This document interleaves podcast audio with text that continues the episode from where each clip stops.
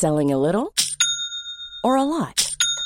Shopify helps you do your thing however you cha-ching. Shopify is the global commerce platform that helps you sell at every stage of your business. From the launch your online shop stage to the first real life store stage, all the way to the did we just hit a million orders stage. Shopify is there to help you grow. Shopify helps you turn browsers into buyers with the internet's best converting checkout. 36% better on average compared to other leading commerce platforms because businesses that grow grow with Shopify. Get a $1 per month trial period at shopify.com/work. shopify.com/work. Ryan Reynolds here from Mint Mobile. With the price of just about everything going up during inflation, we thought we'd bring our prices down. So to help us, we brought in a reverse auctioneer, which is apparently a thing. Mint Mobile unlimited premium wireless. Ready to get 30, 30, bit to get 30, bit to get 20, 20, 20, bit to get 20, 20, bit to get 15, 15, 15, 15 just 15 bucks a month. So, Give it a try at mintmobile.com slash switch. $45 upfront for three months plus taxes and fees. Promo rate for new customers for limited time. Unlimited more than 40 gigabytes per month. Slows. Full terms at mintmobile.com.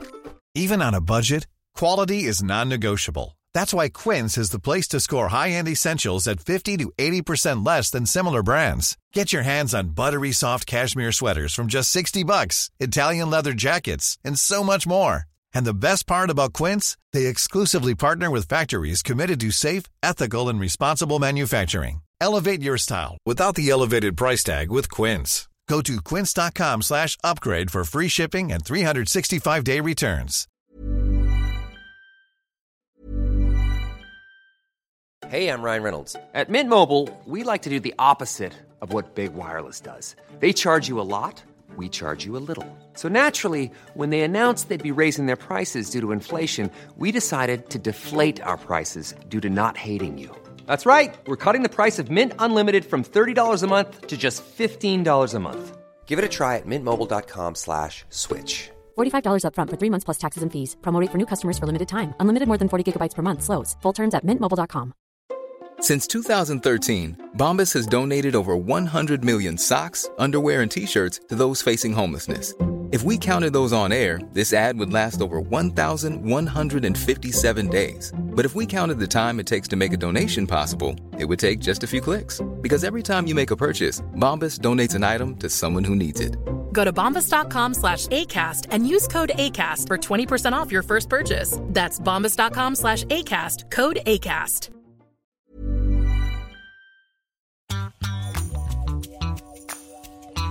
Hei, og velkommen til Bak scenen. Jeg heter Trond Harald Hansen, og i denne podkastserien skal jeg finne ut hva som skjer på baksiden av norsk showbiz-bransje. Enten det er produsenter, skuespillere eller artister. Og i dagens episode så prater jeg med ei som vi kjenner både fra TV, radio og plater. Vi kjenner henne som Skjelldama, Sandra Salamander, akkurat nå aktuell i Hotell Cæsar. Velkommen bak scenen, her er Marianne Krognes. Bak scenen med Trond Harald Hansen. Det her syns jeg er veldig hyggelig. Marianne Krognes, velkommen hit. Takk, takk skal du ha. Veldig hyggelig å bli invitert. Hyggelig at du sa ja. Ja, Mhm. jeg har jo som eh, sagt til deg før vi begynte dette intervjuet, hatt Radiometro på, på radioen i bilen den siste måneden, så nå er jeg godt kjent med dere, og det har vært veldig hyggelig. Det syns vi er kjempehyggelig. Ja, ja. Mhm. Og det var litt tilfeldig, men sånn er det. Sånn er det. Ja. Humor, er det noe du har hatt eh, interesse for eh, hele livet, helt siden du var liten? Ja, det tror jeg nok, fordi eh, vi, jeg er vokst opp med Prøysen, ikke sant. Og der, der er det alltid noe å hente I hver eneste låt så er det nesten alltid sånn at han spiller på noe som er veldig humoristisk, og så noe som er sånn at du får i hvert fall når du er blitt voksen. Litt sånn tårer i øya. Eh, og faren min elsket jo Prøysen, og vi hadde de der gamle steinkakene, vet du, de eh, platene. 78 plater? var det ikke? 78 plater. med ha, på Hamar med slakt og, eh, og danse dansedokka mi. Kom hit av kjerring, så tar vi en dans. Tralala, tralala. Nei, men Anders, det er jo fra samling og sans. Tralalalala. Ikke sant? Sånne ting har jeg vokst opp med. Og, og jeg kan ennå, det er så lenge siden faren min døde, høre latteren hans liksom, når han uh, syntes noe var morsomt. Uh, han var jo også en ganske sånn eh, eh, g- grublende kar, liksom, men, men eh, jeg tror nok det er eh, noe som jeg har hatt med meg helt fra starten av, ja. Så hadde jeg en farmor som vi var veldig, veldig glad i, alle vi 19 barnebarna. Eh, som var nok litt sånn Både faren min og farmora mi var litt sånn show, altså sånn showere, på en måte.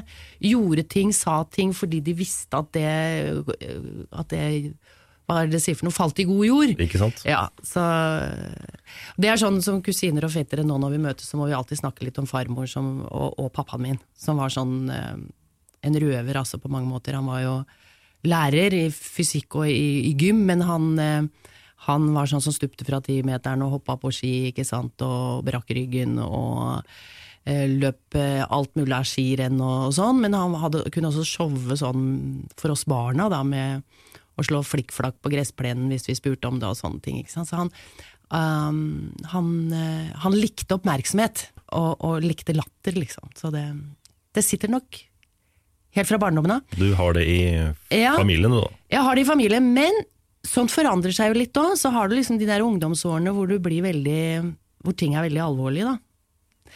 Hvor det er eh, gutter og, og den type ting som teller, og så kommer liksom det, det som skjer rundt omkring i verden. Så, så når, når vi begynte med Tramteatret, så var det på en måte å finne tilbake til den der barnslige humoren igjen. Som jeg Leken. er leken, ja. Og det, det er jo Humor er jo å leke. Leke med uttrykk og leke med ord. Og mm, veldig tidlig Jeg var jo med i en teatergruppe da jeg var barn mm, på Abelsø skole. Eh, Steinar Hofsdal og Hege Skøyen har også gått der, eh, blant annet. Um, som gjorde at jeg, Det var på en måte min teaterskole, da. Eh, Tromler, som var østerriker, jeg mener han var jøde, han var teatersjef både da på Abelsø og på Steinerskolen. Og han lagde musikken selv. Eh, lagde veldig mystiske stykker som vi altså vi barna skjønte ikke alltid hva det var vi holdt på med, tror jeg. Men, men jeg lærte liksom det der å snakke høyt, det å stå på en scene, det å være uredd for å gjøre det. Så mm, eh, Men så, så vokser du opp med også det du hører på radio, replikker, hvordan, hvordan Jeg tror det var der jeg først eh, ble interessert i hvordan turnerer man en replikk sånn at det blir morsomt. Og da har, for Aud Schønmann, Elsa Lystad, de har jo um, det der å, å finne humoren der hvor humoren egentlig ikke er, eller hvor, hvor den som har skrevet det nødvendigvis ikke har ment at det skal være Altså at, at du skal få fram latteren, men, men den derre eh, Den gaven som for eksempel de har, og som eh, de beste skuespillerne har, den, den var jeg på leit etter veldig tidlig. Veldig tidlig. Og spesielt Elsa er jo helt ekstrem der. Ja, ja, ikke sant. Vanvittig. Og jeg har jo vært så heldig å spille med henne også, både i Tramteatret og, og seinere. Så det har lært meg veldig mye, altså. Så det å se på andre skuespillere, selvfølgelig. Eh, Tor Erik Gunnstrøm i Dizzie Tunes. Eh, hvordan han Jeg spilte jo med dem en sesong, og hvordan han og Yngvar Numme småimproviserte hver eneste gang. Fant nye ting. Veldig inspirerende. Og, og Elsa, selvfølgelig. Eh, det er noe med og det, det er noe med, har noe med musikalitet å gjøre, antageligvis. Altså, eh, det der med timing, ikke sant. Og jeg, eh, jeg leter alltid etter det. Nå når vi er ute med en sånn familiekonsert for barn og voksne, så, så ser jeg også hvordan den forestillingen går seg til etter hvert. At du tør mer. At du Oi, der satt noe som publikum tok. Um, og, så, kan du bringe inn det fysiske, liksom. Her, siste forestilling der, så merket jeg plutselig at uh, um, en replikk som jeg hadde, som jeg, hadde, som jeg visste Som var litt sånn Ikke sant? så du hører at de humrer. Uh, den fant jeg plutselig et fysisk uttrykk på, altså et sånt brudd uh, med kroppen. Hvor, hvor jeg egentlig var lei meg for jeg hadde, gjort, hadde stjålet noe og var lei for det, liksom, og så synker litt sammen, og så plutselig så retter jeg meg opp, og så rettferdiggjør jeg meg selv. Og da kom liksom den ordentlige latteren, hvis du skjønner. Så ok, det må jeg holde på. Det er ikke bare replikken, men det var liksom det fysiske uttrykket også, akkurat der og da. Sånne ting er spennende. Du blir jo aldri ferdig med å lete, vet du. Man gjør ikke det. Nei. Men er det mye prøving og feiling? Veldig mye prøving og feiling. Jeg har vært mye ute aleine på jobber. Ehm, og da knar jeg Altså, da, da er det akkurat som jeg vet at uh, Altså, det, det, det Jeg blir engasjert eksempel noen som skal ha et 100-årsjubileum, eller noen som skal bare ha et julebord, eller, eh, eller det er en konferanse. Eh, og, så, og så går jeg inn og har en monolog som jeg skriver selv, som er en slags standup. Og da må du for det første skreddersy det litt til det publikummet som er der. Du kan ikke bare liksom neglisjere hva de holder på med, de er opptatt av. Og når du klarer å finne poenger akkurat som er deres, som bare kan brukes akkurat den kvelden, eh, og det slår til, det er en lykke. Men det vet du ikke på forhånd. Nei, ikke sant? Det vet du ingenting om. Så, så noen ganger så Oi, den tok det ikke, så må du bare fyke videre. Og så andre ganger så Hva? Var det morsomt? Det er jo, helt, det er jo et eventyr. Det, er jo, det er jo veldig rart. Men samtidig som du sier, jobbe mye med det, ja. For noen ganger så tenker jeg her ligger det et poeng. Men så tar det tid å finne hvordan du skal formulere deg sånn at det blir et poeng. Og da har du det altså med tydeligheten i forkant. Eh, Du er nødt til å noen ganger å legge inn en føring tidligere i teksten for at de skal forstå poenget som kommer litt seinere. Mm. Hvis du glemmer det, så skjønner de ikke hva du driver med. Eh, Det høres kanskje litt sånn eh, abstrakt ut, men, men derfor så må du Så må du så jeg, Det er noen ganger sånne setninger som jeg vet må bare trille ut av meg, som du bare liksom Du må gjenta dem høyt for deg selv 50 ganger etter hverandre før du liksom Før du veit at akkurat den setningen sitter, ikke sant. Så ja, det er Det er en spennende jobb. Humor er jo et uh, håndverk. Ja. Så det Ja, det er faktisk det. Og, men det som, eh, det som er morsomt, syns jeg, når jeg ser på ting, det er når man tør å være litt morsom i, i ting som er veldig alvorlige òg. Det går en serie nå uh, som heter Valkyrien. Den er veldig bra. Den er så bra! Ja. Og den har også det der lille snerten at skuespillerne får lov til å altså, Der ser du at humor har veldig mye med alvor å gjøre. Det er det der å ta den absurde situasjonen der på alvor. Det gjør også at du får noen komiske situasjoner, veldig komiske situasjoner. Det er så deilig, for da blir det så ekte. Det er jo sånn livet er. Ja, det er jo det. Ikke sant? Det, ja, og det der å lete etter humor i hverdagen også, det er en fin øvelse som alle kan gjøre. Prøve å snu det til noe morsomt hvis det er litt sånn tragisk. Mhm. Hverdagshumor, Ja, rett og slett. rett og slett hverdagshumor. Mhm. Det kan redde mange situasjoner. Og hvis du da har noen som du kan leke med som, som også er Som også skjønner hva Også du egentlig mener. det, ja. Det kan bli stille, det. Ja. Du spurte om eh, det du har vokst opp med. Jeg, tr jeg tror nok eh, det som humorister har felles, eller klarer å innarbeide seg, kanskje også fordi de har opplevd ting som ikke har vært så veldig gøy i barndommen, så, så er det det der å, å se litt large på livet. Å være litt eh, nonsjalant, rett og slett. Det har, handler jo om å ikke ikke være så formell, eller eh, Jeg syns noen ganger synd på folk som må oppføre seg så veldig skikkelig. For da kan det være verre å finne humoren i hverdagen, som du sier. Du får ikke slippe seg løs. Nei, ikke sant. Det er det der eh, Stenger seg inne Ja. på et eller annet vis. Må la det stå til. Og, og, og, og tørre å le av seg sjøl òg. Det Det er jo alfa omega, egentlig. Jo. Ikke ta seg sjøl så Veldig alvorlig. sjølhøytidelig. Nei, det er sant.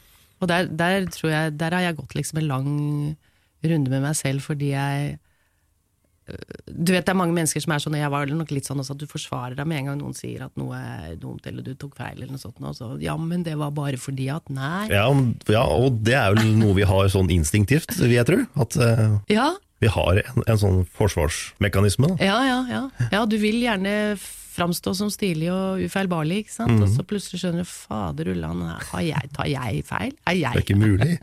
er det mulig?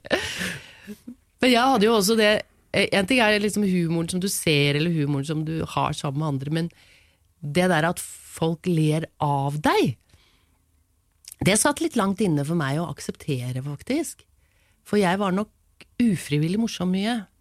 Eh, Jeg har en venninne som kaller meg for snublefot. Jeg har det med å tryne og oh, ja. Og en gang vi var i Molde på jazzfestivalen der, så dro jeg feil på en eh, fortauskant og, og, og for framover, og klarte liksom å avlevere noen replikker i lufta. Sånn Nei, men i all verden, hva er det som skjer her?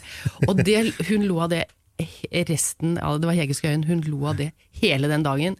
For jeg syns det var så godt gjort å, å klare å analysere fallet mens, mens jeg falt. Liksom. Men det, det er ikke så uvanlig for meg, da. Jeg er vant til å, å tryne. Men um, det har vel kanskje noe med nærsynthet å gjøre og sånn òg. Men um, det derre å, å, å klare veldig fort å, å skjønne at nå var du, nå var du komisk, eh, selv om du ikke har beregnet å være det, det er en kunst. Når du egentlig hadde tenkt å være veldig alvorlig, og noen syns at det er, er noe rart med det. Dette er bare gøy, dette. Ja. det må man kunne ta. Ja. Ja. Så nei. Jeg var i, Da jeg gikk på gymnaset, så uh, var jeg, hadde vi et teaterstykke som var veldig alvorlig, som vi skulle spille, og jeg fikk ikke lov å stå på scenen. Så jeg var sufflør. Jeg hadde jo gått en liten audition og greier, han syntes ikke det var noe særlig, tror jeg. Men jeg hadde jo mye erfaring med teater fra det barneteatret. Men eh, eh, det var et alvorlig stykke, og den eneste som fikk latter, det var jo jeg. Jeg satt i kulissen og fikk ikke lov å gå i. Jeg skulle egentlig ha en bitte liten rolle som skulle egentlig gå over scenen og si noe om nå har vi ikke noe mer ved, eller hva det var. Og jeg fikk ikke lov til det engang, så jeg ble sittende der ute, var sufflør, og så måtte jeg rope replikken inn, og så runget latteren der ute. Så tenkte jeg hva, er det mulig? Og da skjønner du plutselig at du har Skjønner du? Plutselig så har Å ja. Eh, for det var jo ikke noe komisk replikk, ingenting, men det var liksom både det at jeg satt uti der og ropte, og altså situasjonen var komisk. Og replikken ble det. Nei, det er morsomt. Hvordan var det du starta opp med Tramteatret, da? Det var eh, rett og slett Jeg kom hjem igjen fra Nord-Norge. Jeg hadde vært lærer i Lofoten i et år. Søren meg, de har jo bare sånne lærere som jeg var der oppe fremdeles, jo. Altså, oh ja, som bare er ufaglærte, liksom. ett- Jeg, jo, hadde, jo, jeg hadde jo bare gymnaset og var der ett år. Det var et fantastisk år for meg. Jeg, jeg tror jeg var en god lærer, det, det håper jeg. Hvordan er det du Men eh, havna der, da? Nei, du, det var rett og slett for jeg hadde gått et år på universitetet um, og prøvd meg liksom litt på uh, teatervitenskap, litteraturvitenskap, den typen ting. Og så måtte jeg Det, det, var, det var veldig kjedelige fag, for å si det rett ut, faktisk. Um, og så jeg Måtte jeg ha en jobb. Så skulle jeg på fest en lørdagskveld, og så Og dette var på høsten. Så sa moren min, du, det er en annonse i avisen her. Eh, De søker lærer på Reine i Lofoten. Det var Så bitte liten annonse. Og så gikk vi inn på, på det som het Altså eh, Og så i et eh, ah, I en bok om Nord-Norge, så så vi liksom Reine. eh, har de vakreste og flotteste fjellene i hele Lofoten. Ja, dit vil jeg. Så ringte jeg, og så fikk jeg Det var en desperat eh, skolesjef i den andre enden av telefonen. Dette var en lørdag kveld, og skolen begynte tirsdag. Så det var 20 minutter, så sa han ja, det er greit, du får jobben. Eh, så da dro jeg opp eh, mandag, dro jeg vel opp. Ja. Så, og det var, eh, det var berikende. Du vet, I de årene der, jeg var 19 år, de årene der, de husker du så veldig godt. Hele, altså Barndom og ungdom og sånn, og nå er det ett år nå. Det er Oi sann, hvor blei det av det året? Det er nok fordi at åra nå er like, eller? Nei, tror du ikke det er Altså, åra er Det er så lite av livet Ett år nå er så liten del av livet ditt. Ja, I forhold til da, så, ja, så skjedde det veldig mye når du er ung. Altså, du vet jo ikke hvor du skal, hvem du skal campe med, og hva det- livet har å by på, liksom. Men det høres jo veldig impulsivt ut. da Du finner liksom en, en stillingsannonse lørdag kveld, og to dager seinere så, så er, du, er du der. Så er jeg lærer. Andre enden av landet også. Ja, ja. Og det har jeg tenkt på, det er liksom den der dødsforakten på en måte, eller for å si det veldig svulstig, da. Det der å tørre å ta sjanser. Og det var nok også det som var med Tramteatret, at eh, jeg dro hjem da og begynte å studere kjemi og biologi og sånn, og norsk, og så eh, møter jeg da disse fantastiske menneskene, Arne Garvang som også gikk på kjemi, em, og Terje Nordby, eh, Liv Åkvik. Vi fire fant hverandre veldig fort, og da var det revyer i Chateau Neuf. Uh, så vi, og så balla det på seg med Jon Nydstemo, Magne Boruteig, Anne Nydstemo. Eh, Kine Helbust kom eh, først etterpå, når vi hadde danna Tramteatret. Men vi holdt på i fire år som gruppe, før vi danna Tramteatret. Oh ja, så Ja, liksom ja. sånn Så vi var veldig innarbeida med hverandre da vi hadde det første stykket, og så fikk vi bare sånn braksuksess med det første stykket. Vi hadde beregna to forestillinger på Chateau Neuf, og så spilte vi det stykket et helt år, ikke sant, over hele landet. Vi, ja, først på Chat Noir, da, i ukevis. Og så var vi på Nord-Norge-turné, helt startet oppe i Kirkenes, og så tok vi hele landet nedover, vet du. Um, det var jo akkurat i begynnelsen av uh, oljeeventyret i Norge. Så det var en harselas over det, da, med, som stykket startet med Valhall, med alle gudene der som Alle disse her feltene ute i Nordsjøen ble jo oppkalt etter de forskjellige gudene. Så, Ja, ja. Valhall-felt og sånn. Så, det, det, så sånn begynte det. Dette var da Eh, i ja. 76. 76, ja. Stifta vi teater, og 77 hadde vi første premieren. Så, og der var det det har jeg tenkt på seinere, at det med Tramteatret var jo Det var musikk. Original musikk bestandig. Ikke sånn der eh, at man lagde noe morsom tekst på en gammel slager. Eh, og det var eh, meningsinnhold, og det var humor. Viktige ingredienser i Tramteatret. Dere var jo veldig effektive, da. Dere lagde jo ti LP-er, fire TV-serier, sju show, var det det? Ja, altså, ja, ja, sju eller åtte ble det, var åtte show. Og, og masse radio, radiospilling. Ja, ikke minst. Radiorevyen, heter det. Radioaktiv het det. De var ganske morsomme. Det var litt sånn frekt. Det var der, der det begynte. Vi, det var Trond Nei, pappaen til Trond Kirkevåg. Rolf Kirkevåg. Rolf som, ja, han tok oss inn i radioen, og han, eh, han var veldig imot når det kom tilbud fra TV om å lage TV-serie, for han mente vi var ikke modne for det ennå. Eh, Måtte gå liksom eh, gradene. For bare se på KLM, sa han, liksom, eh, hvor, hvor, hvordan det har endt med dem, liksom. Og vi var jo så nesegrus beundrere av KLM, så jeg tenkte i all verden, hva er det han mener for noe? Så han mente at det Nei, nei, nei. De hadde kommet seg altfor fort på TV. ja, så det var Han var jo radiomann først og fremst, vet du. Så. Mm. Men det er morsomt å ha vært borti sånne legender, da. Ja. han. Det vil jeg tro. Ja. Men eh, hvordan var produksjonen da? Dere lagde jo alt sjøl. Mm. Regner med at dere hadde ja, skal vi si, sånne rammer da, for åssen ting skulle foregå. At dere møtte opp til en fast tid hver, Ja, hver, hver dag, og at Ja. ting var litt organisert. da. var faktisk det. Og vi som eh, liksom regnet oss som litt sånn hippie-generasjonen, var veldig strukturert. Og jeg traff igjen eh, denne første trommeslageren vi hadde på seriene, som var den første Guttorm Grevling. Han sa det var, jo, det var jo som en bedrift, sa han. Han var jo ikke sammen med oss mer enn ett år, men han sa hva vi gjorde på det ene året, var ikke sykt, det var helt sykt.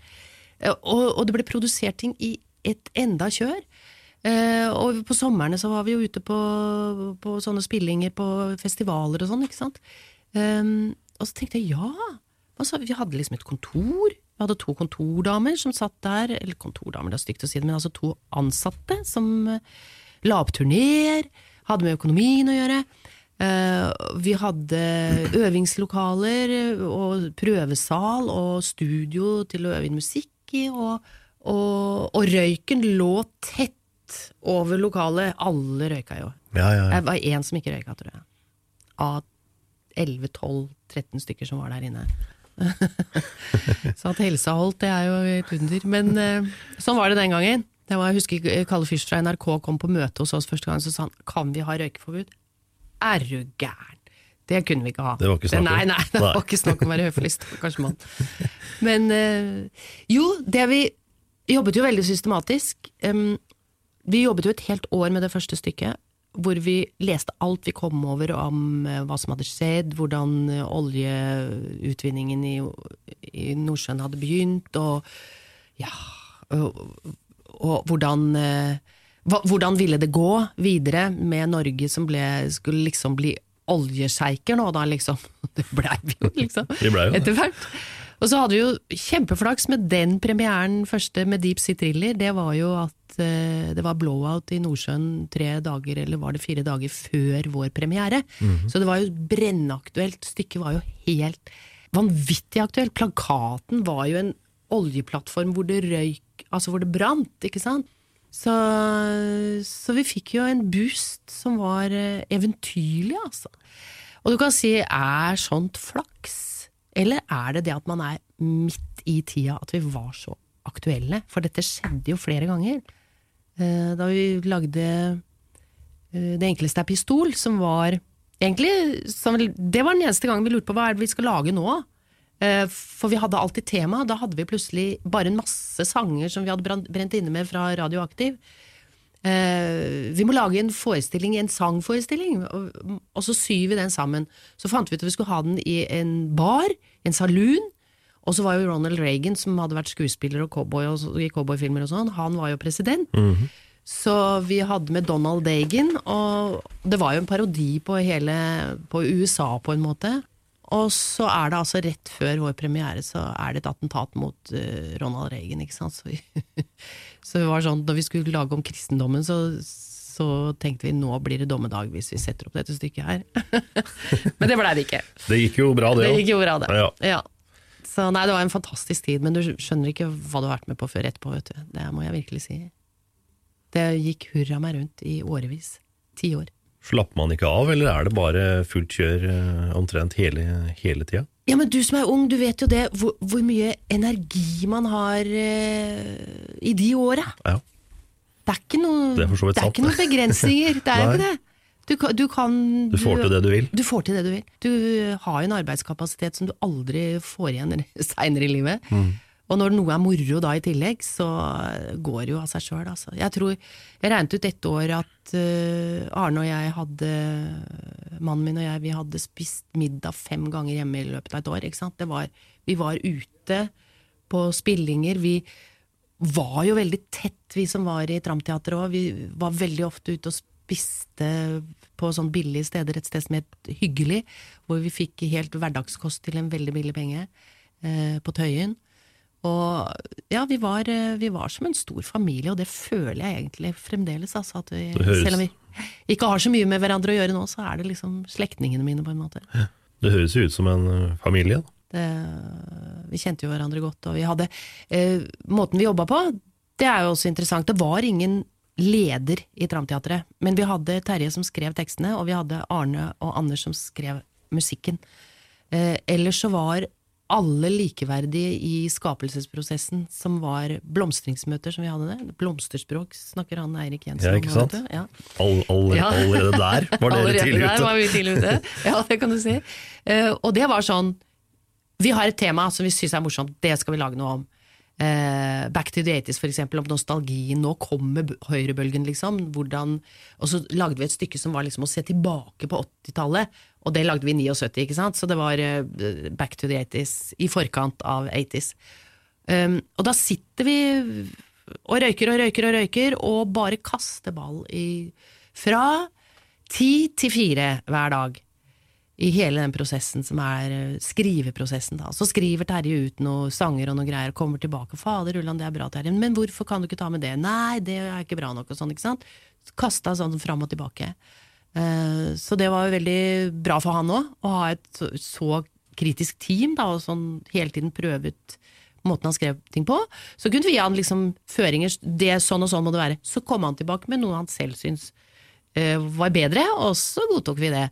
Så det var en veldig kreativ eh, prosess, og vi var avhengig av hverandre, egentlig. Alle de rare innspillene var lov å si akkurat hva du ville. Altså Sånn som han snakker litt om nå, at uh, ikke steng unna meninger som du ikke er enig i, Uh, også i det offentlige rom, når det gjelder politikk og sånn. Der var vi helt fri til å si, komme med fordommene våre og bli motsagt og Ikke sant? Så ble en sånn ordentlig sånn smeltedigel av uh, Ja. Av det vi kom fram til. Så der blir det ikke én pluss én to. Det blir så mye, mye større, ikke sant. Når du, er, når du samarbeider godt med noen, så blir det svært. Det var eh, lite uvennskap, da. Ja, det var det. Eh, absolutt. Fordi at vi fikk vel klort oss Altså fikk jo møtt hverandre i eh, kraftige diskusjoner og sånn. Eh, men det er klart, eh, ti år er nok kanskje en grense når man jobber så tett sammen sånn som vi gjorde, på hvordan Etter hvert så begynner man å tro at man skjønner hvorfor ting har vært en suksess. I, I starten så skjønner man ikke det. Man bare jobber, man bare jobber instinktivt. eh, og med huet. Eh, og, så, og så funker det, og funker og funker. Og så tror jeg, det er sikkert mange ting som skjer, men så tror jeg faktisk at man begynner sånn Ja, men det gjorde vi sist, og da funka det. Og da begynner du å balle deg inn i at noen mener at det burde være sånn, og noen mener det, og så begynner det å bli ikke uvennskap, men mots, motsetninger i gruppa.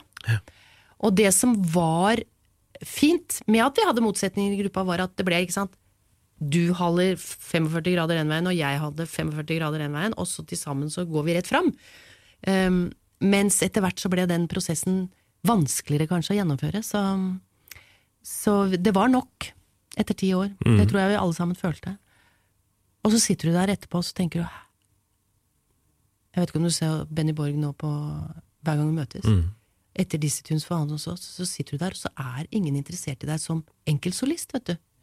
Og det opplevde nok eh, alle vi også.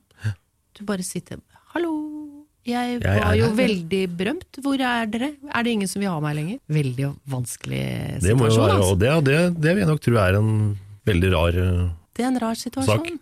Og, det, og der skal du ha liksom stifta familie og skal leve av det, og, og uh, da, da ser jeg også gudskjelov at jeg hadde den eh, utdannelsen i bakhånd som jeg visste at jeg kunne falle tilbake på. Uh, men det ble aldri nødvendig, heldigvis. da. Jeg fikk telefon fra Riksteatret, jeg, og var med i en forestilling om Hamsun. Spilte Marie Hamsun, tenkte jeg, fra Tramteatret, og så spil, Det er over, en nazist.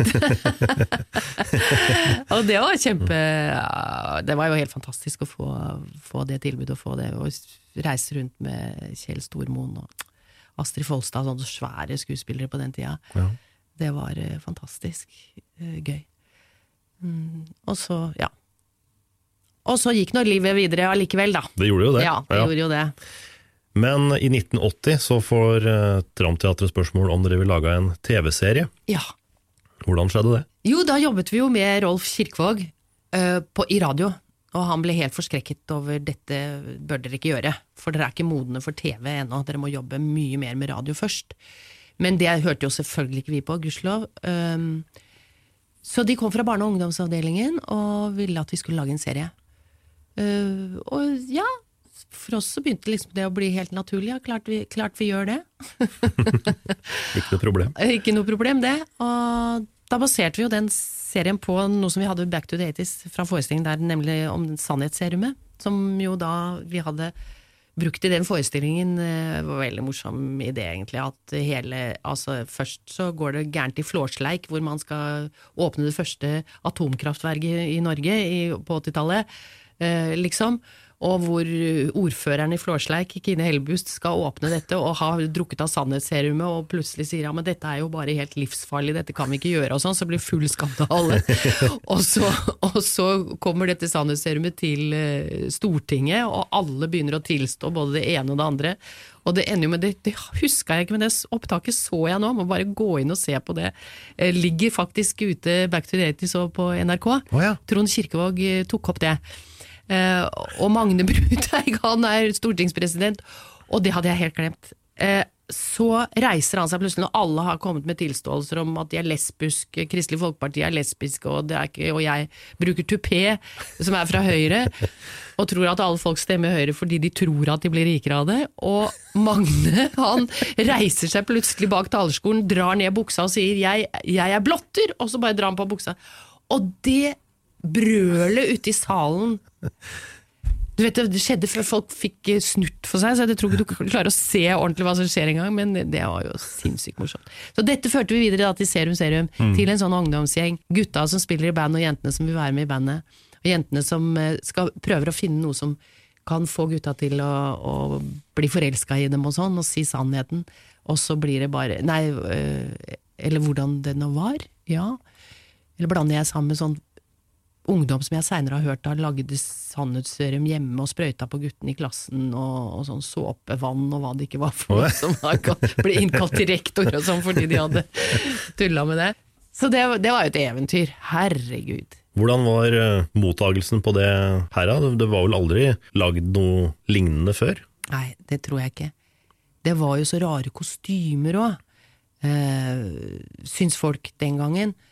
Eh, Første reaksjonen jeg fikk sammen med Arne Garvang, det var vi gikk på ski søndagen etter.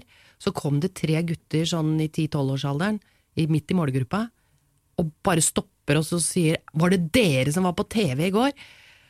Og vi liksom Ja, det stemmer det. Det er det verste jeg har sett, sa en av dem. Og så gikk de, og så tenkte jeg nei, hva har vi gjort? Hva har vi gjort? Har vi driti oss ut for hele Norge. Ødelagt og det var den eneste reaksjonen som var sånn, ikke sant? Det var den første reaksjonen vi fikk. Ellers så ble det jo helt fantastisk mottatt. Eh, Det var jo én kanal, det var NRK. Monopol. Alle, alle så på det. Og gikk rett før, før Dagsrevyen, ikke sant? så alle voksne fikk det med seg. Og det er veldig morsomt nå å møte ungdom, ungdom, folk i 40-årsalderen, som har fått, fikk med seg dette når de var barn. Det er, det er veldig hyggelig, og det skjer hele tiden. Så, og da får du høre sånne historier. Jeg lagde sannhetsserum, ble kalt inn til rektor fordi jeg ja. Hvor lang produksjonstid hadde På en dere på en sånn serie? Nå spør du vanskelig, for det var vel noen måneder. Eh, men vi spilte jo forestilling samtidig med, vet du, så det gikk litt rundt. Bare inne, innimellom slaga? Ikke sant? Jeg fant jo ut 82, for jeg ble spurt her om dagen, eh, og da bare, bare i 82 for eksempel, så ga vi ut to LP-plater, spilte forestilling i Enkleste er pistol, eh, eh, lagde ny TV-serie med Hemmeligheten i baby, og var på sommerturné. Altså, det var helt vilt. Vi, vi holdt på med ting hele tiden. Så jeg, jeg, jeg tror nok den første serien ble lagd ganske raskt. Um, den er jo også den som er den letteste, på en måte. Uh, den neste serien med Pelle Parafin og Automatspøkelsene er jo mye proffere laga, uh, og brukte vi nok mye mer tid på. Den òg virker jo i, i dag veldig framtidsretta, Ja, ja, det kan du si. blant annet med at uh, læreren han er inne i en skjerm, og han er jo for så vidt det i dag Ja, også. ja det er sant, det. Med de skjermene som vi satt med også, at du Mhm. sitter ensom med din egen skjerm. Ja. Mhm. Det er jo det de gjør nå. Nei, det har jeg ikke tenkt på. Ja, det var det jo. Og det var jo Nei, det var veldig moro å holde på med det, altså. Det var så mm, lekent. Og det var eh, Selv om det var et budskap, liksom, å, få lov å ha et uh, kjellerlokal hvor du kan øve, uh, hvor, hvor noen bare er ute etter penger, og læreren som er veldig sånn eh, han har liksom de der norske idealene som Han er kulturformidleren, ikke sant? Og som er litt rar. Ja. eh, og vimsete og, og tørr. Men som egentlig er veldig, veldig ok. Veldig ok. Eh, og som de har litt hjerte for. Og så er det også den der andre diskogjengen, som vi kaller det for, da, vet du, fordi at, eh, som, som er litt, de snobb, litt snobbete. Eh, så det var jo ikke så store sånne motsigelsesgreier som vi holdt på med ellers med veldig store, tunge temaer, så det var veldig deilig og veldig befriende. Mm. Og jeg tror for Terje som skrev tekster, altså 'Motorvei er farligst for deg og meg', og sånne, altså sånne ba, mye mer banale tekster. Tilbake til byen, der hvor uh, bilene bremser naturlig, og det er ikke sant, sånne ting. Som er morsomme formuleringer, og som er ganske ja, befriende, da, fordi det kommer fra ungdom. Ja, nei, det var gøy. Det var veldig gøy. Tre serier med Pelle Parafin lagde vi. Også Hemmelighetene i baby. Ja. Den er en personlig favoritt her, da. Jeg, jeg syns den er eh, kjempefin, og den stikker jo litt djupere enn enn det de tre andre Mm. seriene gjør. da. Mm. Ligger den ute på nettet, den nå? Den nå, ligger også ute. Akkurat. Det er litt ålreit, for jeg er enig med deg. Den er, den er veldig bra. Og, og den ble aldri sendt i reprise. Nei, den ble bare sendt én gang. Ja, og den var eh, nok litt skummel. Ganske skummel for de minste jeg har liksom hørt. Det var en som fortalte at han bare måtte ut og spy etter at han hadde Oi. liksom sett den der i kjelleren og spindelvev og kameliadamen som ble holdt fanget og sånn. At den, jeg tror det var det som gjorde at de ikke turte å sende den om igjen. Men da er det fint at den ligger på nettet, for da må man jo oppsøke det. Så Det- tror jeg barn nå er tøffere. altså Barna de- nå de- har nok ikke noe problem med det i Nei. det hele tatt, vil jeg Nei. tro. Kanskje, men det var nok verre da i 82. Ja, jeg tror det. Ja, det var eh, Men den serien er egentlig laga for barn. Den er jo laget for Barn og ungdom. Barn og ungdom. ungdom, ja. ja den er jo det. Mm. Men den, den er fin, jeg er enig i det. Altså. Og så har du det der jazzlaget der som bare sta han derre trommisen som bare snakker i sånne gåter. Ja, Du liksom- skjønner ikke noe, noen ting av, av hva de egentlig mener. Nei, Det er mye fine ting der. Og så Og det spi, også spilte dere jo alle rollene sjøl. Mm. I tillegg til hovedrollene så var jo dere alle andre også som var der. Ja, ja. Jeg var jo gammel dame, jeg da. Mm. Jeg var gravid og gammel dame. Det var morsomt. Den likte jeg, den rollen, altså. Den var ikke stor, men den eh, Nå husker jeg ikke hva hun Nei, het. Vanja hun- Grim het hun. Vanja Ja, Grim, hun var, eh, Gjorde satt inntrykk, hun. Ja, det var en fin type jeg fant der. Husker jeg gikk rundt på Frogner og prøvde å lete frem henne. Mm. Så selv om det er sånn eh, det, var veldig marginal, min innsats i den serien, så likte jeg veldig godt den lille rollen der. Altså, jeg gjorde det. Så ja, det er fin, fin serie. Absolutt. Men alle innspillinger foregikk i, i studio hos NRK, eller? Ja, I hvert fall innendørs. Innendørs, ja. Og så var vi på Kampen, da. Og Kampen var jo Da husker jeg Arne ble nesten drept av en fyr oppe på fjellet som var eh, næringslivs... eh, Han bodde på Kampen og mente at vi hadde økt prisene på Kampen med den serien. Det kan, altså populariteten der oppe og sånn, så han Ja. Det var en litt sen kveld i baren der hvor han eh, nærmest tok kvelertak på Arne og sa faen, altså. Dere, altså. Men det var vel en filmserie òg, på 10-12 filmer fra Olsen-banden, som også har gjort, Som også der, ja. som har gjort kampen ganske kjent, da. Ja ja, da skal han vel ikke skylde på vårs. Det var før oss til og med, kanskje. Ja, mm. ja. Det er jo et flott, veldig Det er så lite sånne steder i Oslo. Så Og de Pelle Parafin gikk jo på Tøyen stort sett. Eller nei, på Torshov. Torshov tok vi opp de. Så det er fine utebilder fra Oslo, da. Det er jo det. Det er jo Ja, vi kan snakke om det og byen her. For Oslo by har jo endra seg veldig siden den tida. Åh, det er så mye som har endret seg siden den tiden. Jeg tenkte på i dag morges at jeg vaska håret i Sunlight-såpe og sånne ting. Ja, det var på 70-tallet, da, men jeg, øh, det var sånn reunion med Aske gymnas her. Og de bildene som ble tatt her, det, det er akkurat som å se en av østblokklandene, liksom, sånn som vi så på det. det sånn så det ut. Det var eh, mye, mye fattigere Norge, altså. Det er veldig klart å se. Vi var jo det. Ja, det er rart. Så vi er egentlig veldig heldige Mm. som vi har det nå. Vi er veldig heldige. Og samtidig så er jeg veldig glad for at jeg liksom har fått med meg hele den der perioden med Som jeg har fått med meg, med å være så gammel som jeg er. det er fint, det. Dere lager eh, Randi og Ronnys restaurant, den går på TV i 86. Ja. Der tømte dere vel hele NRK for varmtvann, har jeg hørt.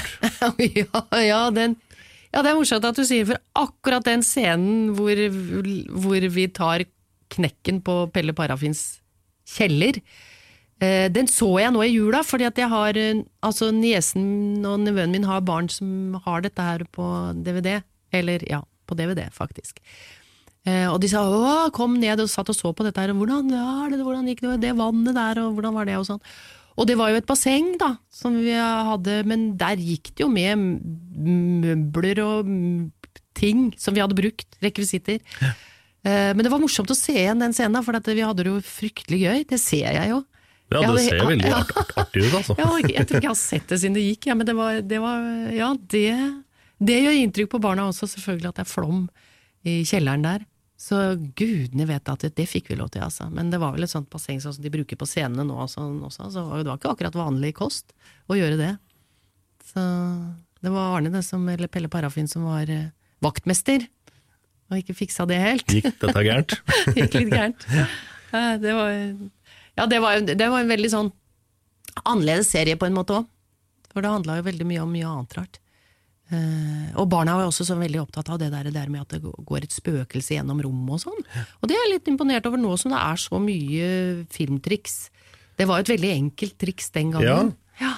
Og så er det én scene, det er eh, hvor alle som skal inn til Harry Hagen, de blir da i svart-hvitt, for de har reist tilbake igjen til 50-åra, tror jeg. Det er jo også sånn veldig, veldig sånn stilig effekt, da, som Ja, ikke ja. koster så mye, men som er eh, Jeg tror jeg må se dette om igjen, jeg. Ja, det kan nok Ja, for være det det. har jeg helt glemt. Jeg har i hagen òg. Morsomme navn òg. Ja. ja, herlighet. Reidar rektor og Harry, det var i, i Automatspøkelsene. Ja, nei, ja. Morsomt. Randi, eller jo, Randi og Ronny. Mm. Ronny, de blei jo også veldig, veldig store. Ja, er du gal. Stakkars Jon, han ble jo Har vel opp til i dag fått ropt idiot etter seg, eller 'og hvor har du gjort av gjøkur'?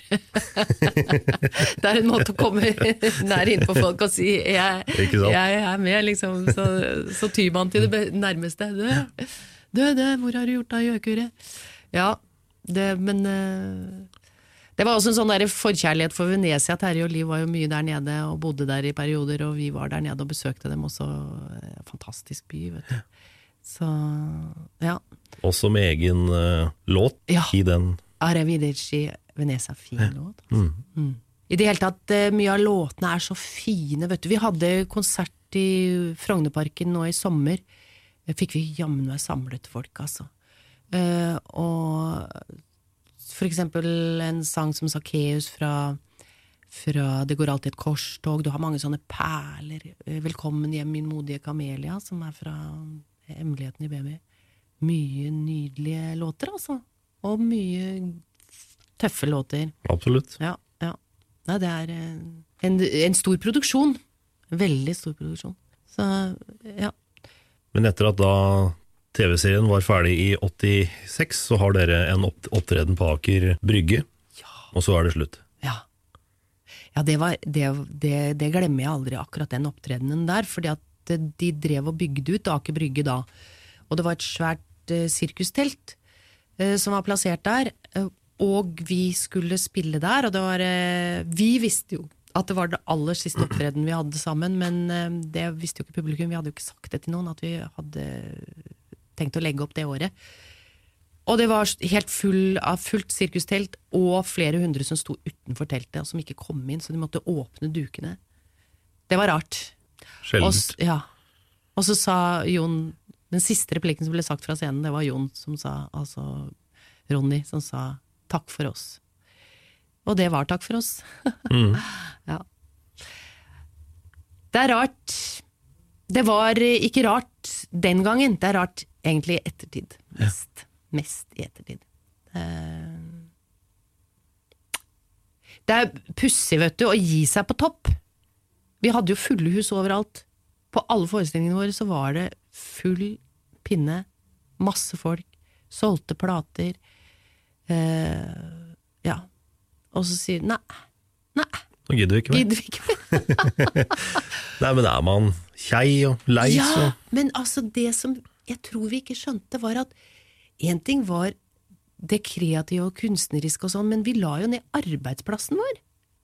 Altså med en sånn avgjørelse så bare la du ned arbeidsplassen for tolv mennesker. Det er ganske drastisk. Det er det, altså. En suksessbedrift som du bare legger ned. Så du ser det nå sånn i etterkant. Mhm. Hvordan folk sliter for å komme i mediebildet, eksempel i vår bransje, hvor tøft det er for de unge i dag. Og så har du liksom fått alt på et sølvfat, og så sier du nei. Eh, Det er ganske nonsjalant, altså. Ja. Det er vel sånne tanker som vi alle sammen har gjort oss i det ettertid. Altså, kanskje det kunne vært en annen utgang på det. Eh, Eller altså, ja, gjort det på en annen måte. Men sånn er det nå. Sånn er det. Sånn er livet. Skjedd er skjedd. Skjedd er skjedd. Og så skjer det jo andre ting da i livet som eh, gjør at man eh, er glad for å ha opplevd det òg. Absolutt. Jeg vil jo si det. For eh, jeg tror det var nok. Da var det nok. Så Dere har jo hatt reunier i ettertid som har gått veldig bra. ja, vi har jo det. Og det har vært litt sånn press utenifra for å gjøre det. Så, og vi hadde jo en, det var jo noen som ville lage da teater, nei, hva heter det for noe, radiodokumentar om Tramteatret i 2009, var det det? Hvor vi eh, lagde en helt ny sang om hvor alle sammen var havna igjen. Og Sandra Salaman, det var jo da i Oslo Wikileaks. og litt sånn forskjellig hvor de andre hadde havnet, nå husker jeg ikke helt. Men det ble en morsom låt, så vi hadde en liten opptreden da i Chateau Neuf. Hvor det satt eh, nesten 1000 mennesker og hørte på radio. Og så hadde vi en liten konsert. Stilig. Ja, det var stilig. Ja. Litt sånn rare ting. Og nå er det eh, fremdeles eh, en eh, utstilling på museet, Teatermuseet på, i Frognerparken, hvor vi har et eget rom. Med alle våre plakater og ting og tang og ja, der går det an. Og dere solgte vel også alt utstyret deres, dere? Både kostymer og klær og alt? eh. Ja, det var jo også en spontan og litt uh, hasardiøs ting, egentlig. For der gikk jo min gulldrakt og Anders Rogg sin regnfrakk med note på, det gikk jo av gårde. Jeg husker en lys pike som bare for av gårde med gulldrakten min, som hun sikkert fikk for en billig penge. Vi hadde, hadde mm, salg i, i lokalene våre på Tøyen. Ja, sånn var det. Kunne jo tatt vare på noe, kanskje. ja.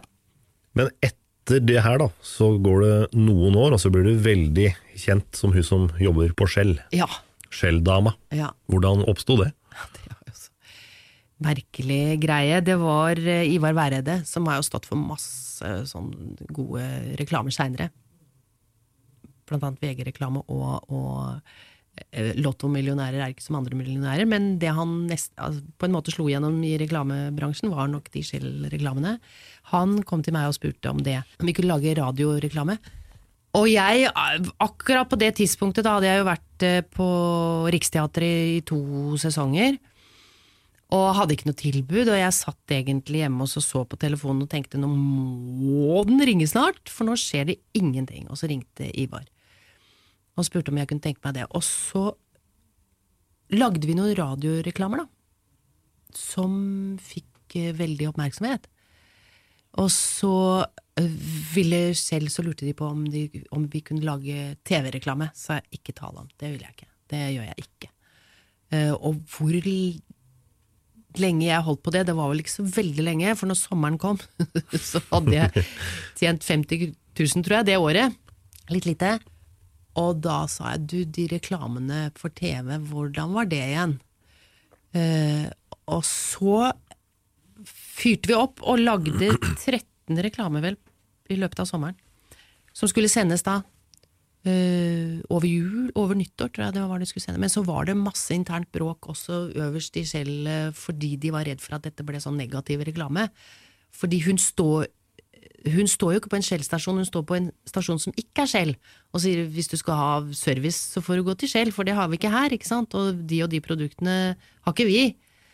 Eh, og, det, og det hun står jo der så ensom eh, eh, og gjør reklame for diverse ting som var sånn akkurat eh, den uka og den måneden. Eh, Blant annet vindusviskere, som eh, var den første reklamen som gikk, tror jeg. Og hun står jo der, og vi hadde tekst å forholde oss til, som Ivar hadde skrevet, og den måtte jeg kna og gjøre til min egen. Og så, under opptak, så kom det som regel Så hadde jeg sånne etterslengere.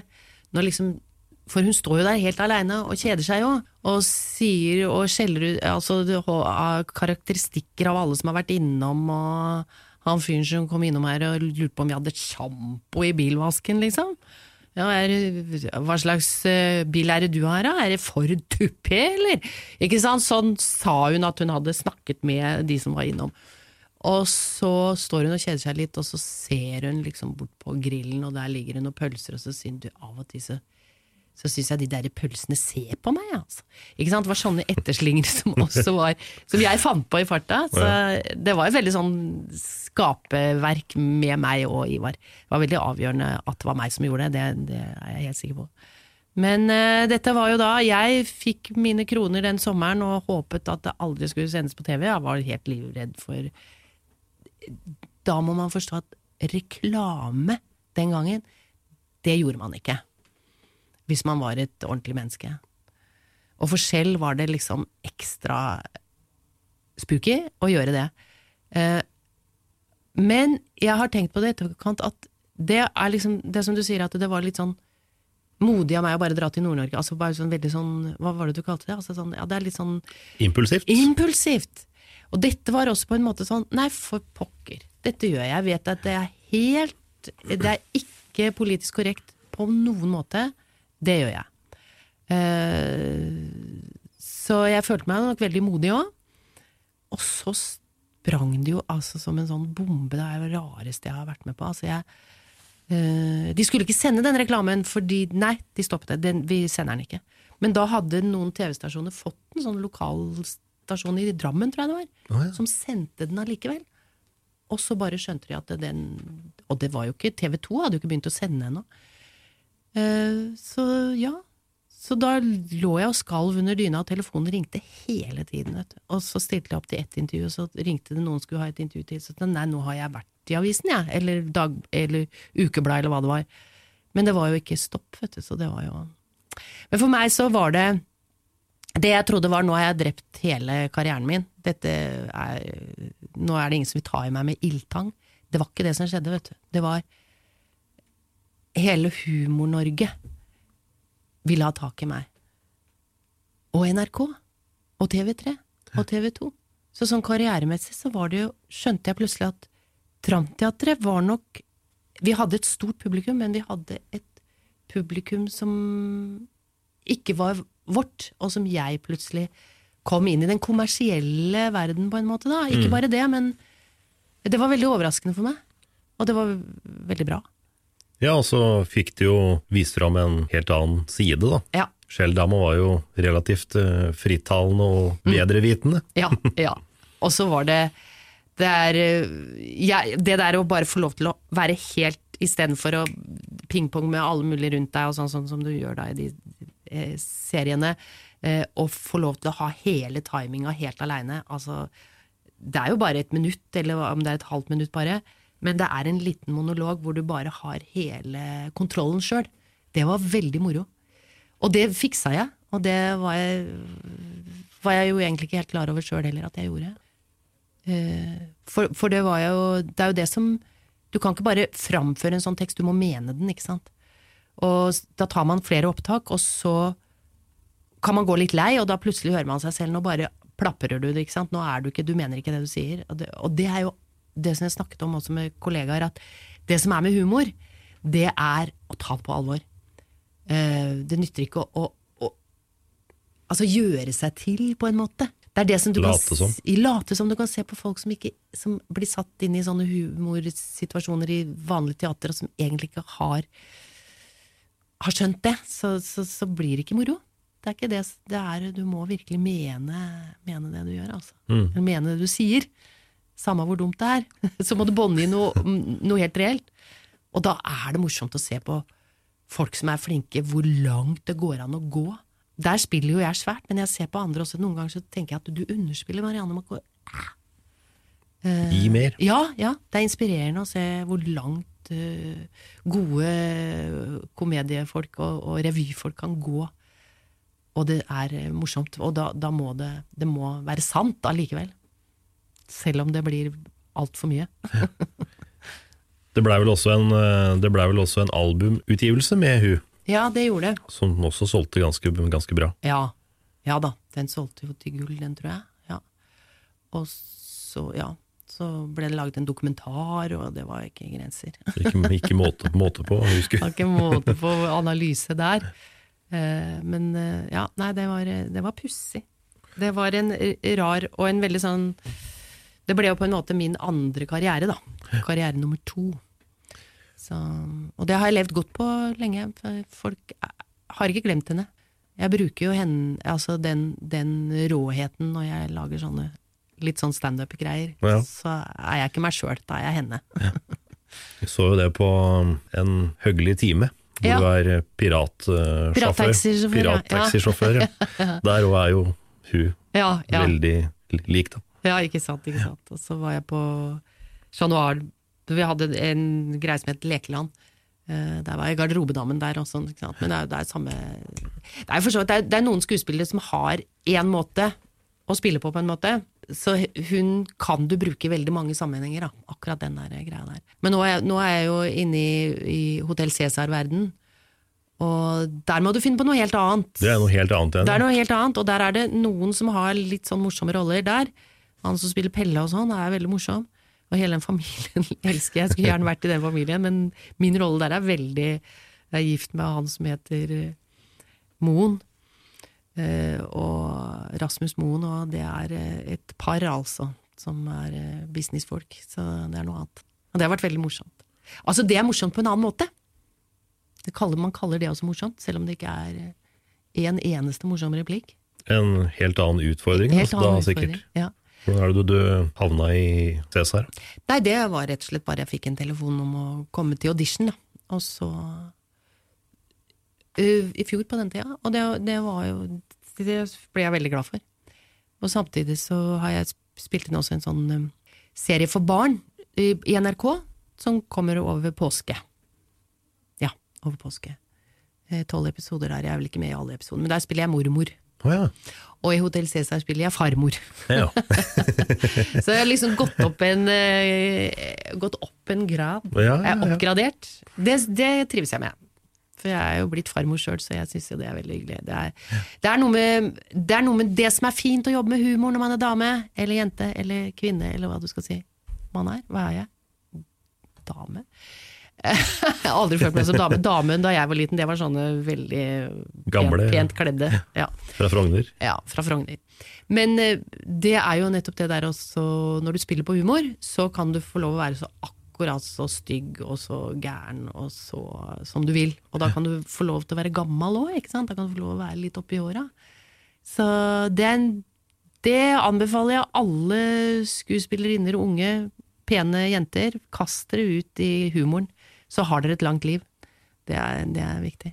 Jeg var jo så heldig at jeg fikk lov å spille ordentlig sånn komedie-komedie um, på Riksteatret nå for to år siden med Marit Østby, en norsk produksjon som heter Mugg, eh, som um, eh, var, er en um, to damer som skal dele rom i Moskva. Altså Marit spilte da en sånn Frogner-apropos en Frogner eh, fransk lektor, tror jeg han var, fra Frogner, som da er nødt til å dele rom, rom med en kokerska fra Estland, Finlands Estland. Eh, og jeg spiller da hun eh, måtte farge håret mitt rødt. Og det kledde jeg ikke.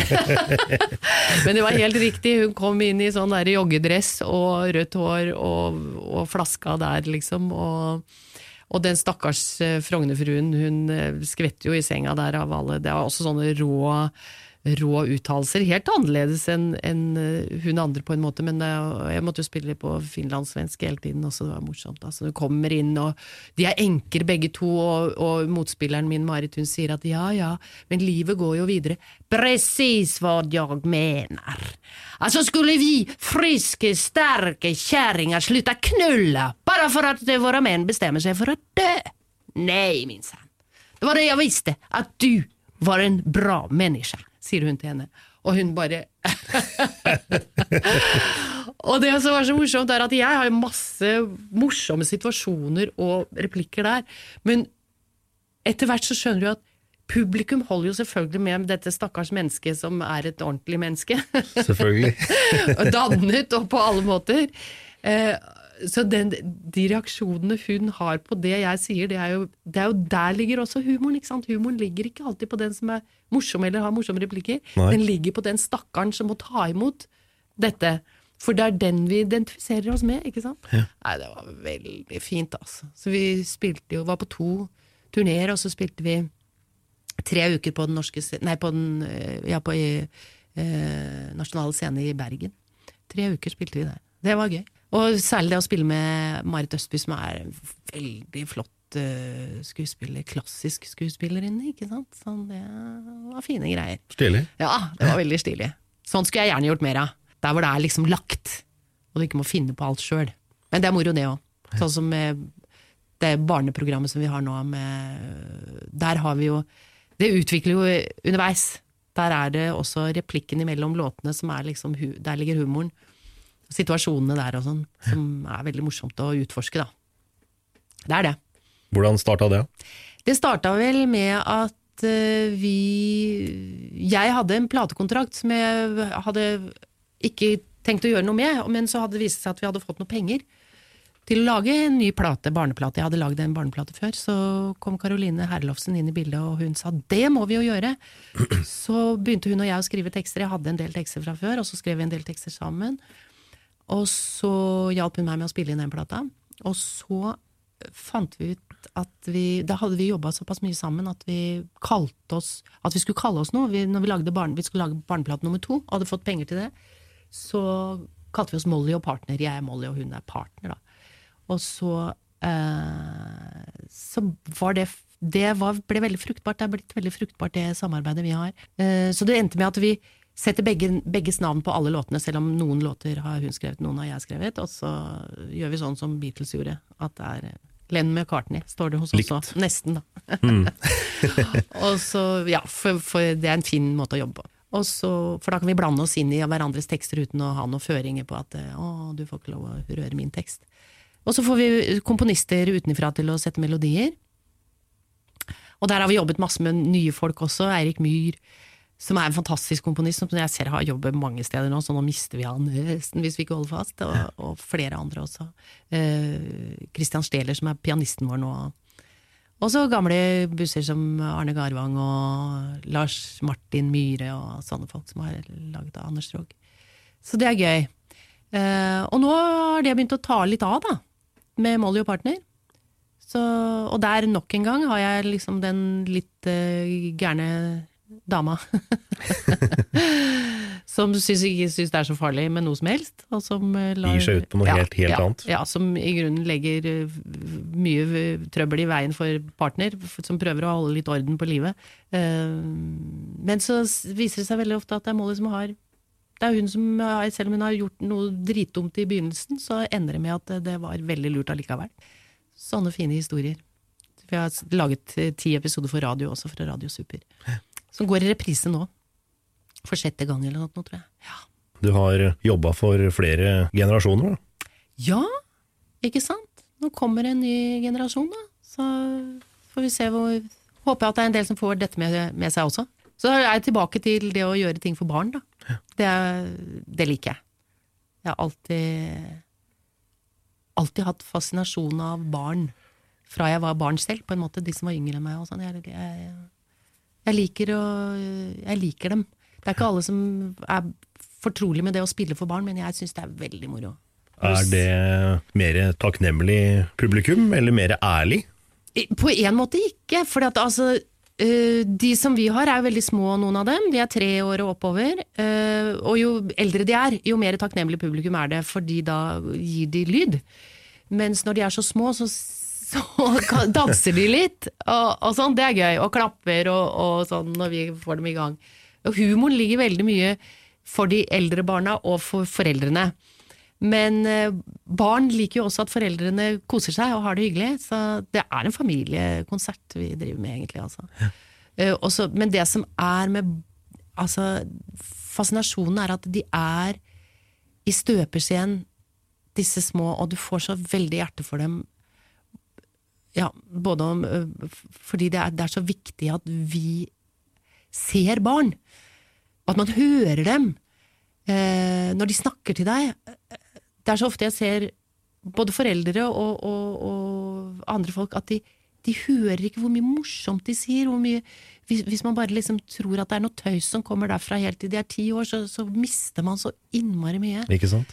Så det er så, det er så fint å, å høre liksom refleksjonene deres, og hva, hva de er opptatt av. Hva de er. Også, også når du da hører barnelatter.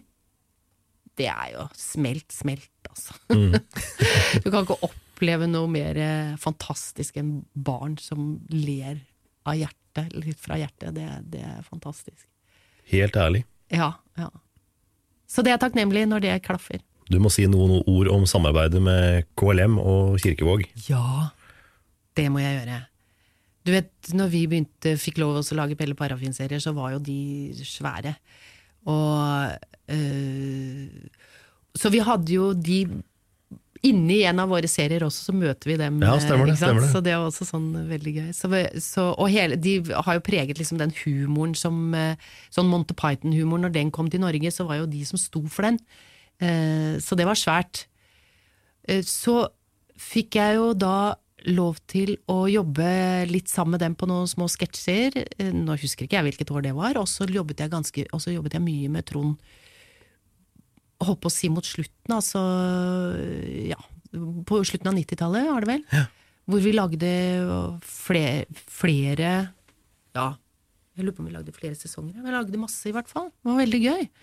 Eh, veldig hyggelig å jobbe med Trond, vet du. Er du gæren? Det var jo Og jeg eh, Han er jo så morsom, vet du. Det er jo helt sykt hvor morsom den mannen Han var jo helt uh, unik. Ja, helt unik, altså. Fy fader. En ting er liksom de parodiene, men han er sånn en fødte komiker, altså. Virkelig. Alt han tok i, var jo bare så gøy. Så du kan tenke deg å få lov å jobbe sammen med han dag etter dag. Sånn alltid en ny parykk og nye øh, personer, og jeg ser Jeg ser det er mange ganger vanskelig å se at det er meg som spiller der, for den kostyme- eller sminkeavdelingen der er jo så dritgod, ikke sant. Så, så det er liksom sånn Jeg syns det ligner på Marianne. Jeg sier ja, men det er Marianne! Jeg bare sånn, det er meg! Eh, Så, så det var veldig utfordrende og veldig gøy. Altså. Det var en morsom periode. Virkelig. Og Trond ja, sto meg ganske nært sånn personlig, syns jeg. Vi hadde noen jobber ute utenfor også. Sånn på private arrangementer. Flere ganger var vi ute sammen om det òg. Så han var, han var Han var gullig, altså. Veldig fin fyr. Altså. Veldig fin fyr. Og veldig, som mange komikere, veldig seriøs. Eh, var opptatt av de tingene som var opp, viktig å være opptatt av, ikke sant. Så det er også en sånn ting som jeg husker med han, da. Men han var vel også veldig opptatt av at han ikke skulle skade andre med sin humor. Ja, selvfølgelig. Ja. Det er jo ikke alle som er der. Nei, nei det, er, eh, det er nettopp det. Det er, det er kanskje litt sånn tidsskifte der mm, når det gjelder humoren, uh, som jeg syns uh, ja, noen ganger kan være litt sånn sårende. Uh, og det vil man jo helst ikke. Men parodier kan jo også virke sårende. Jeg har jo hatt, gjort en parodi på Liv Ullmann som jeg fikk mye gode tilbakemeldinger på så gode at det var en som tok henne med på en forestilling hvor jeg hadde det, og hun likte det ikke noe særlig. Og det, det føler jeg er litt vondt, faktisk. Altså, Mm. Selv om uh, jeg syns ikke teksten er noe slem, men uh, uh, ja, nei, jeg vet ikke hvordan jeg ville synes det var sjøl, å bli parodiert. Det er ikke Nei. sikkert man synes det hadde vært noe gøy. Nei, ikke sant? Det, det, det er da man må liksom snu det som vi snakket med til å begynne med, og bare se ok, det er meg, jeg er ikke ufeilbarlig, gjør jeg virkelig sånn? Mm, ok. Sånn er det. Ja, ja. ja. Nei, det, det Men humor skal jo liksom tøye litt grenser også, da. Og jeg syns jo det er mange av de nye som er veldig flinke, og samtidig så syns jeg det er eh, Det er rart å se også, det som ikke jeg skjønte i begynnelsen, er at eh, de har jo mye hjelp av folk som skriver tekster for dem, også alle disse standuperne, som jo gir seg ut for å gjøre alt sjøl. Jeg har nok vært litt i overkant opptatt av å gjøre ting sjøl, jeg vet ikke. Én ting er å gjøre en tekst som en annen har skrevet til din egen, Men det er jo mm, deilig også å få påfyll fra andre at det er samarbeid, da. Hvor man kan finne de gode poengene.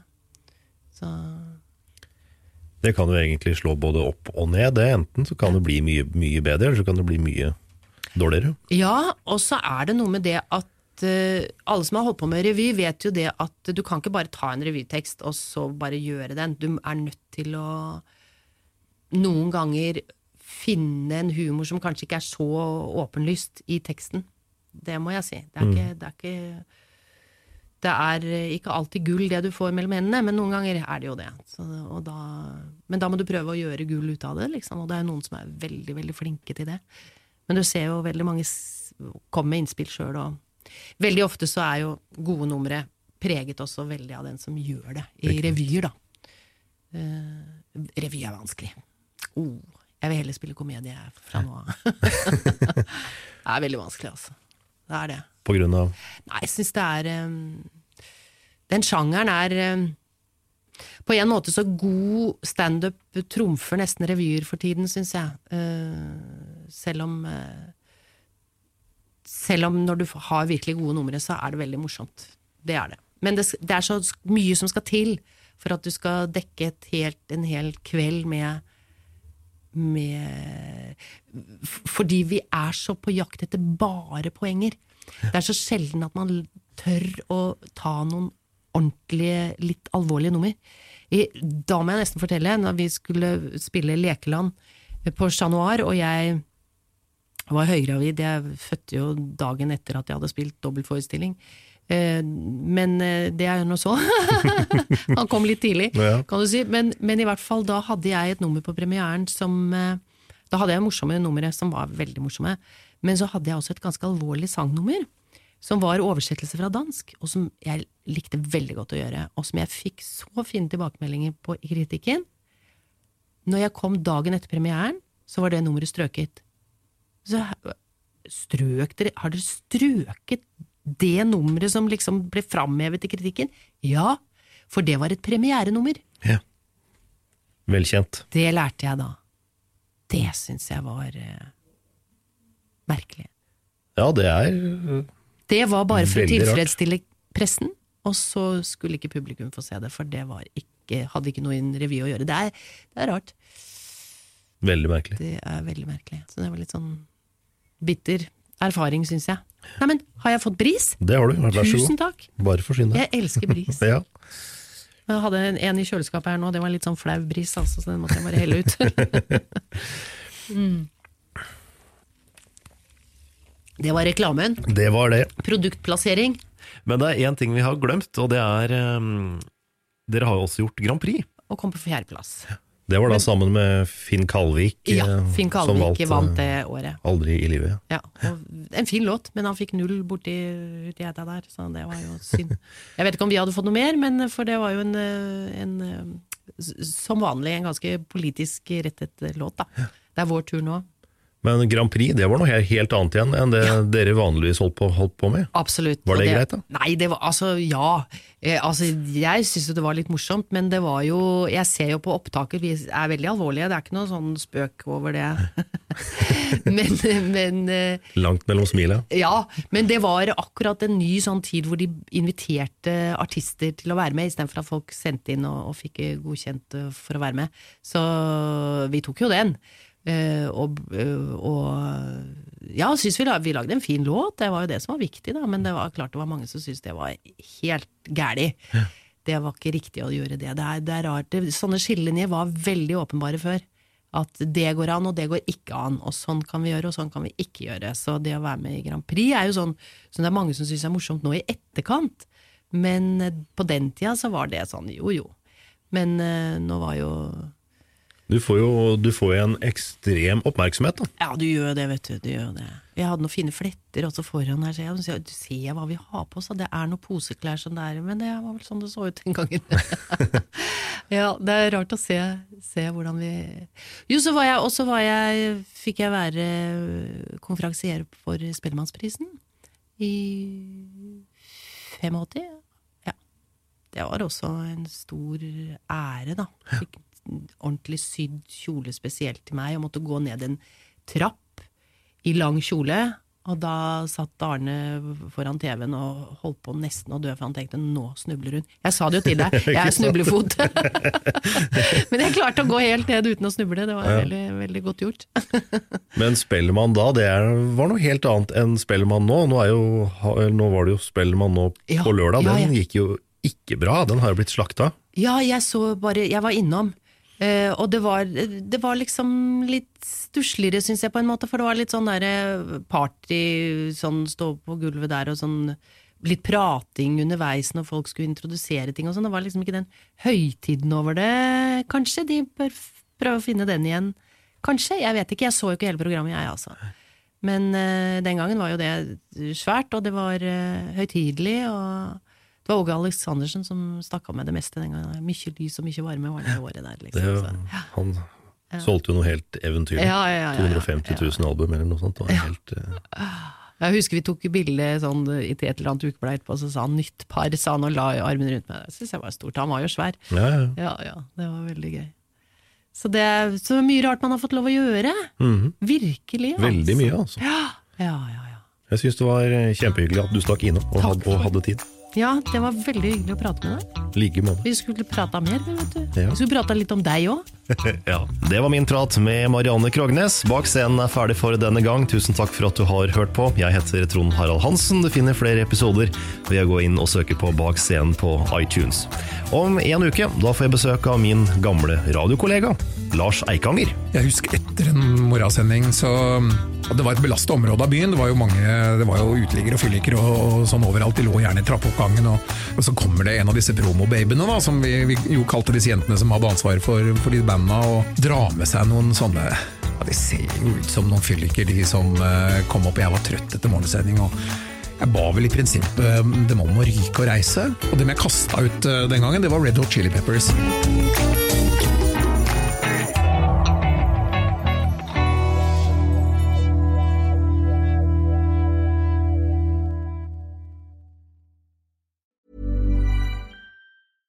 Mom deserves the best, and there's no better place to shop for Mother's Day than Whole Foods Market. They're your destination for unbeatable savings, from premium gifts to show-stopping flowers and irresistible desserts. Start by saving 33% with Prime on all body care and candles. Then get a 15-stem bunch of tulips for just $9.99 each with Prime. Round out Mom's menu with festive rosé, irresistible berry chantilly cake, and more special treats. Come celebrate Mother's Day at Whole Foods Market. Hey, it's Danny Pellegrino from Everything Iconic. Ready to upgrade your style game without blowing your budget? Check out Quince. They've got all the good stuff shirts and polos, activewear, and fine leather goods, all at 50 to 80% less than other high end brands. And the best part? They're all about safe, ethical, and responsible manufacturing. Get that luxury vibe without the luxury price tag.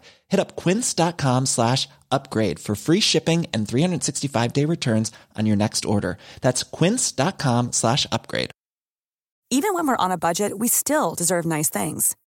Quince is a place to scoop up stunning high-end goods for 50 to 80% less than similar brands. They have buttery soft cashmere sweaters starting at $50, luxurious Italian leather bags, and so much more. Plus, Quince only works with factories that use safe, ethical, and responsible manufacturing. Get the high-end goods you'll love without the high price tag with Quince. Go to quince.com/style for free shipping and 365-day returns.